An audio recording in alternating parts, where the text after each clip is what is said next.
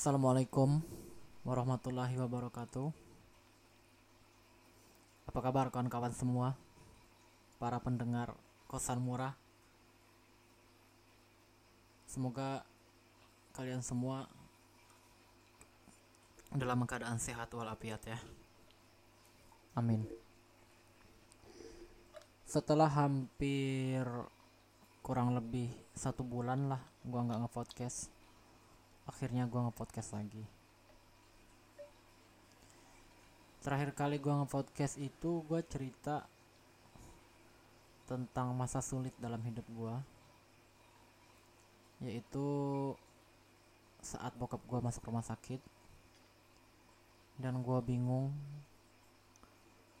memilih antara kerjaan dan ngurus bokap gue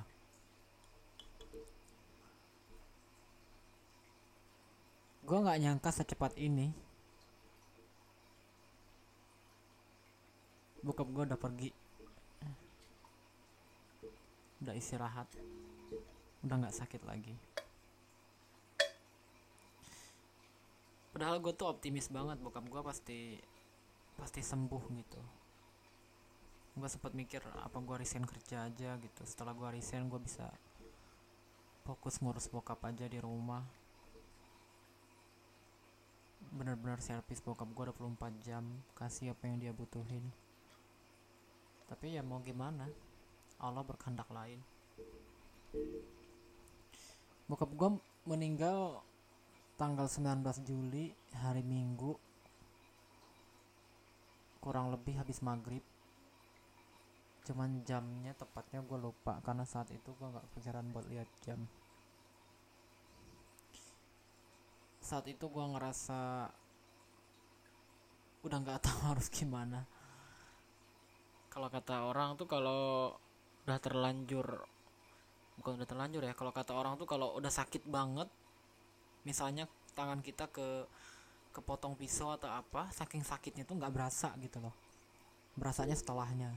Nah kalau gue kemarin bukan saking sakit saking sedihnya tuh udah nggak berasa sedihnya. Melampaui batas-batas kesedihan melampaui batas-batas kehilangan. Sampai gue tuh udah nggak tahu harus gimana lagi gitu. Udah nggak bisa mengekspresikan kesedihan dengan air mata lagi. Kalau misalnya ada opsi lain selain nangis pasti gue di di di posisi itu gitu. karena gue baru kali ini kehilangan orang yang sangat gue sayang dalam hidup gue kalau menurut gue sih udah nggak ada lagi musibah terbesar di muka bumi ini selain kehilangan orang tua ya. Kalau teman-teman gimana? Pasti setuju lah. Kehilangan bokap kehilangan nyokap pasti adalah sesuatu yang sangat menyakitkan dan menyedihkan banget.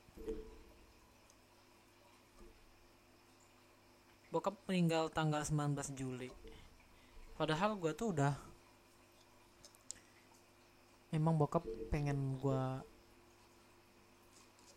maksudnya memang bokap tuh pengennya meninggalnya di pangkuan kita anak-anaknya gitu. Tanggal 20 tuh gue udah beli tiket buat balik ke Jakarta.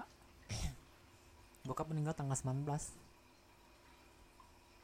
hari Jum hari Jumat tanggal tanggal 17 kan tanggal 18 hari Sabtu tanggal 17 Juli itu hari Jumat itu gue rapid test.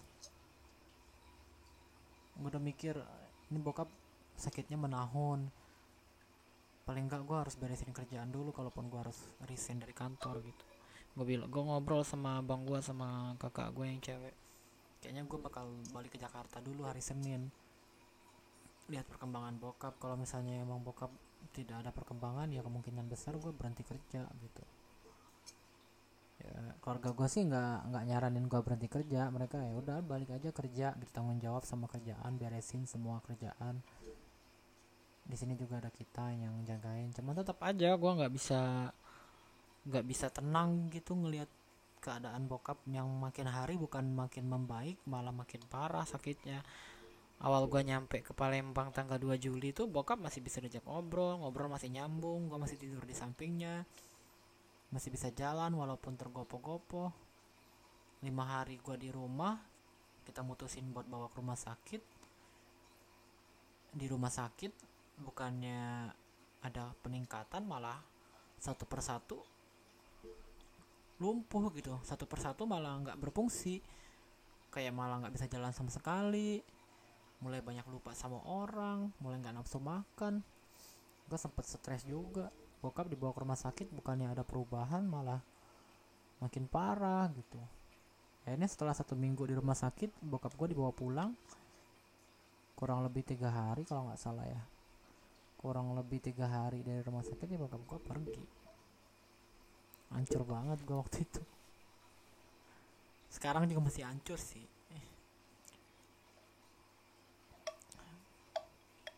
Baru berapa minggu sih bokap gue belum 40 hari gila gue nggak nggak bisa bayangin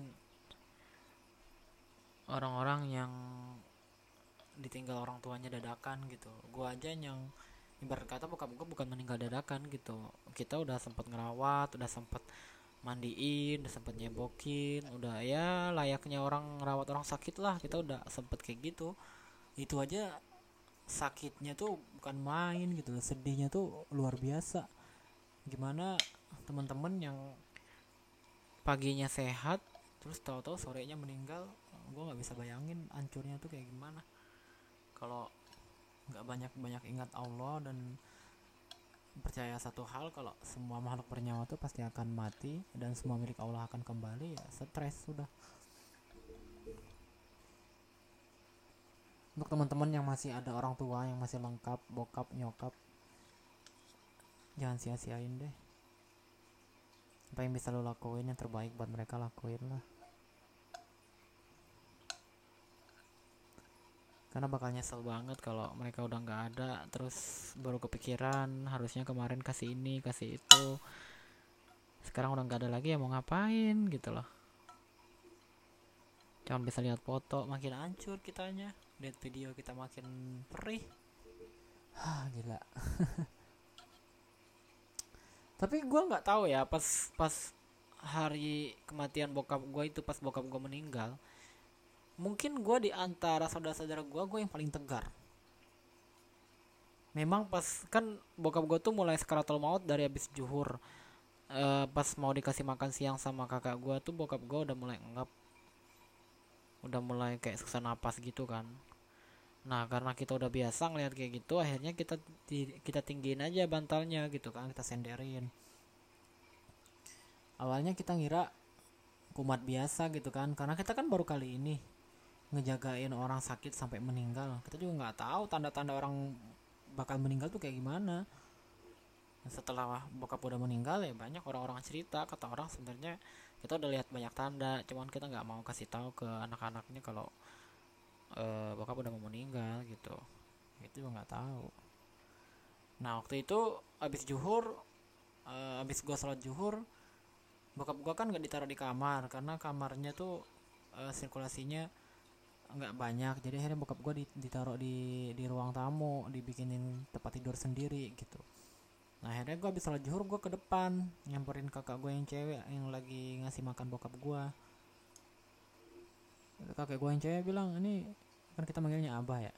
Ini abah udah dari tadi napasnya kok begini gitu ngos-ngosan dikasih makan juga nggak ada yang masuk dikasih minum juga nggak ada yang masuk. Gue bilang coba deh didiriin bantalnya gitu. Makin didiriin makin jadi gitu kan. Batuk terus nggak berhenti berhenti ternyata itu udah proses kartel maut. Kita juga nggak tahu udah tuh sampai jam setengah dua. Akhirnya karena nggak berhenti berhenti kayak gitu terus kita panggil bidan lah gitu kan. Bidan desa. Nggak ada dokter juga di kampung gua. Lalu kita panggil bidan desa buat cek tensi darah. Itu bokap gua masih 90 darahnya. Bidannya juga kayak nenangin gitu nggak apa-apa. Ini cuman kambuh doang kali gitu kan. Dia juga mau dia akhirnya dia ngelihat obat bokap gue yang dapat dari rumah sakit itu kan dia ngelihat oh iya ini ada obat ini katanya obat nyeri segala macam. Tapi nggak dikasih obat bokap gue cuman diperiksa doang. Itu masih 90 tuh. Tensi darah bokap gue jam tengah satu jam satu kalau nggak salah tuh masih 90 tensi darahnya. Akhirnya makin lama makin jadi jam 2 makin parah jam 3 makin parah. Waduh gue makin panik mulai pikiran gue udah mulai ke mana-mana lah mulai nggak jelas pikiran gue udah kebayang-bayang bokap gue kayaknya bakal bakal jadi berangkat nih hari ini. Entah kayak ada yang ngebisikin gitu loh di di kepala gue nih bokap bakal berangkat hari ini bokap bakal berangkat hari ini. Akhirnya gue inisiatif sendiri kan gue bilang sama ponakan-ponakan gue panggilin dong adik-adiknya kakak-kakaknya udah panggilin ke sini. Gue nggak tahu tiba-tiba gue tergerak aja buat ngomong kayak gitu gitu suruh ponakan gue buat teleponin adik-adiknya teleponin kakaknya semua saudara-saudaranya yang ada di kampung suruh datang gitu kan. Akhirnya ya udah setelah diteleponin saudara-saudaranya bokap yang di kampung yang udah di rumah uh, udah jam berapa ya? Kurang lebih jam setengah empatan lah singkat cerita. Jam 5 tuh bokap gue makin susah napas kan orang-orang tuh di sana cuman diri terus uh, nuntun la ilaha illallah kalimat tauhid dan lain-lain. Nah, akhirnya gue berpikir nih bokap gue jangan-jangan lagi kambuh penyakitnya. Kita kok diem aja di sini kayak ngarepin banget beliau berangkat gitu kan. Akhirnya gue bilang sama abang gue yang cowok coba deh panggil bidan lagi gitu. Cek darahnya. Kalau misalnya memang darahnya masih oke okay, kita bawa ke rumah sakit gitu. Takutnya ini lagi kambuh kita tungguin kayak gini maksudnya apa gitu kan. Gue sempat agak kesel juga kan. Ya udah akhirnya dipanggil bidan kampung.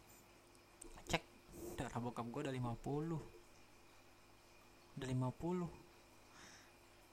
itu udah lemes semua sendi-sendi gue pas denger darah bokap gue udah 50 sebenarnya pas megang tangan megang telapak ini sendu banget nih pas gue megang telapak tangan bokap gue bokap gue kayak megang tangan gue kayak nggak mau ngelepasin gitu. Gue inget banget sampai sekarang. Gue pegang tangannya terus dia megang juga kayak dia nggak mau ngelepasin tangan gue gitu. Terus gue panggil nama dia kan di di kupingnya bah gue panggil bah. Dia manggut. Gue sempat besar harapan bokap gue bakal bakal bakal sembuh nih kayaknya gitu. Cuman bidannya bilang nih abah kamu udah sakaratul maut ya Allah pas dibilang udah sakaratul maut tuh uh, udah kayak nggak nginjek bumi badan gue udah kayak ya ampun. Beneran nih bokap gue beneran berangkat hari ini.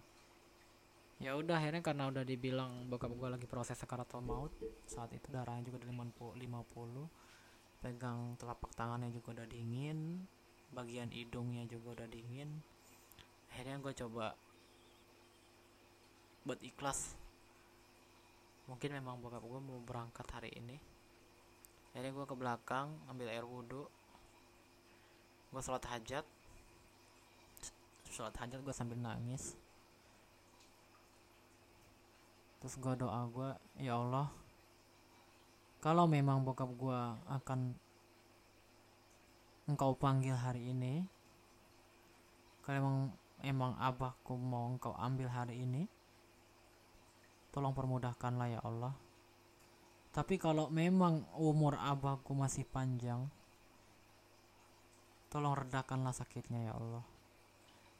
Apa pun keputusanmu kami ikhlas ya Allah. Dalam hati aku doa kayak gitu.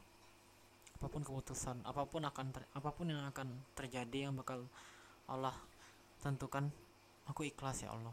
Aku doa kayak gitu.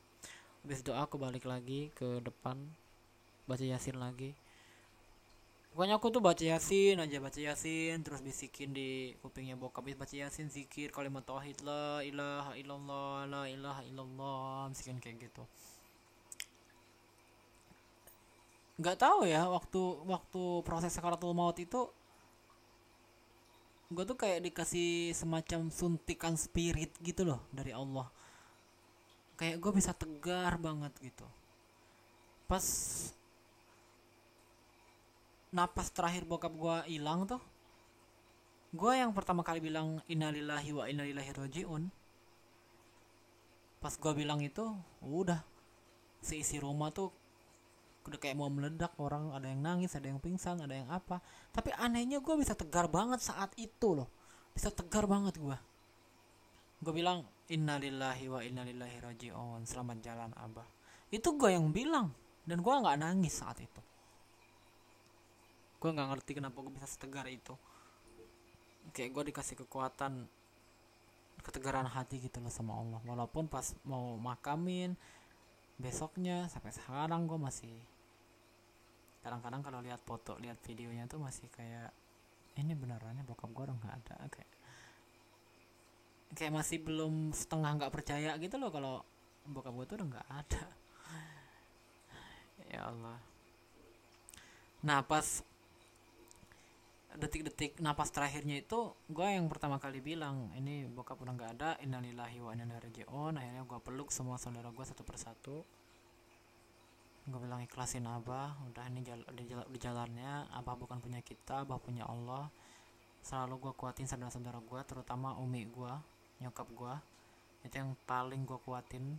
Dan nyokap gue mau pingsan juga gue bilang udah ikhlasin aja. Mau nangis nangis silahkan tapi ikhlasin aja udah Abah bukan punya kita tapi Abah punya Allah. Kita tidak punya kekuatan. Ingat satu ayat kulu nafsin zaikatul maut. Semua makhluk yang bernyawa pasti akan mati. Innalillahi wa innalillahi rajiun. Semua milik Allah akan kembali kepadanya. Itu itu terus gua ulang-ulangin. Sampai besok kan bokap gue meninggalnya sore. Akhirnya dimakaminnya besok sampai proses pemakaman pun gue selalu ngulang-ngulangin ayat itu terus innalillahi wa innalillahi rajiun. Ini teman-teman boleh praktekin suatu saat karena kan kematian itu pasti ya. Suatu saat ada orang terdekat orang terkasih meninggal ampuh banget buat bikin lapang dada tuh baca ini terus innalillahi wa innalillahi rajiun innalillahi wa innalillahi rajiun innalillahi wa innalillahi rajiun. Kayak lapang banget dada gitu loh sampai di sam, sambil diresapin maknanya. Innalillahi wa innalillahi rajiun. Iya benar. Semua milik Allah akan kembali kepada Allah. Jadi terserah Allah aja. Ulang-ulangin aja itu terus. Lapang banget dadanya. Sama kulu nafsin zaikatul maut. Kulu nafsin zaikatul maut. Semua makhluk bernyawa pasti akan kembali. Semua makhluk bernyawa pasti akan mati. Itu, itu terus yang gue ulang-ulangin sampai pemakaman bokap. Sedih tiba-tiba sedih gue tiba-tiba down tiba-tiba pengen nangis gue ulangin lagi. Innalillahi wa innalillahi rajiun. Tiba-tiba gue pengen nangis pengen teriak gue ulangin lagi. Kulun nafsin kotul maut. Itu bener-bener bikin lapang dada banget. Nggak tahu kayak ada kekuatan yang luar biasa gitu loh dengan membaca dua kalimat itu dengan membaca dua ayat Al-Quran itu.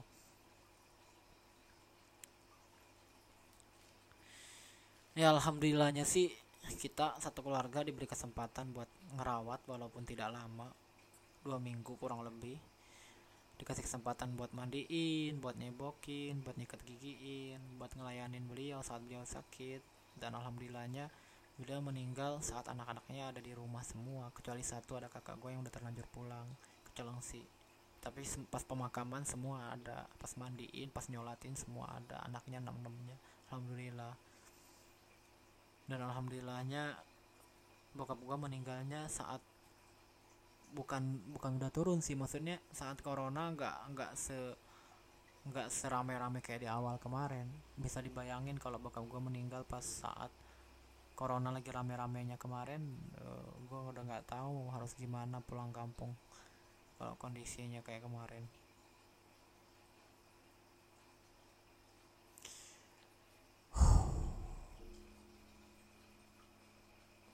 gila gue nggak tahu harus gimana lagi ya. Ya kita sih udah mandiri semua ya dari enam bersaudara kita udah mandiri semua gitu. Udah nggak ada lagi yang bergantung sama orang tua sih. Bukan berarti meniadakan bokap juga maksudnya bersyukurnya eh, bokap meninggal maksudnya bokap ninggalin kita saat kita semua udah mandiri gitu. Coba bayangin kalau saat kalau bokap ninggalin kita saat kita masih kecil belum bisa pada nyari uang tinggal nyokap sendiri. Aduh nggak bisa dibayangin tuh gimana hancurnya kita.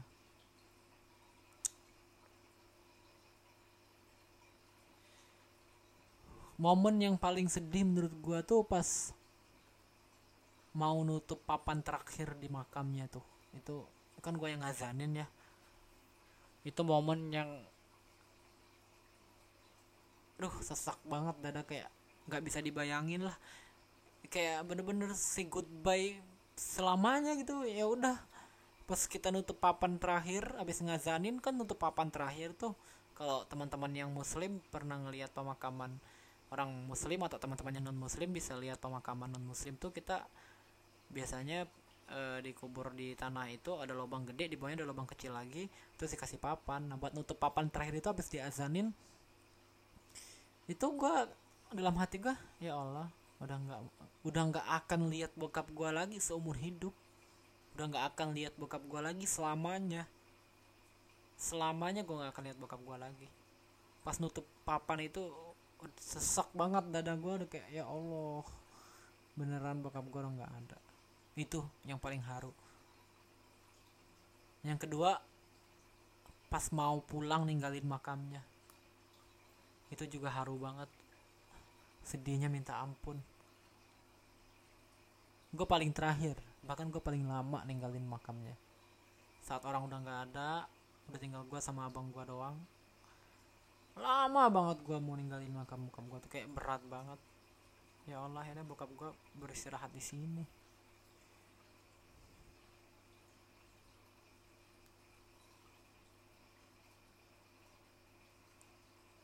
Ya Allah gue nggak bisa cerita lagi kawan-kawan. Sebenarnya banyak sih yang mau gue ceritain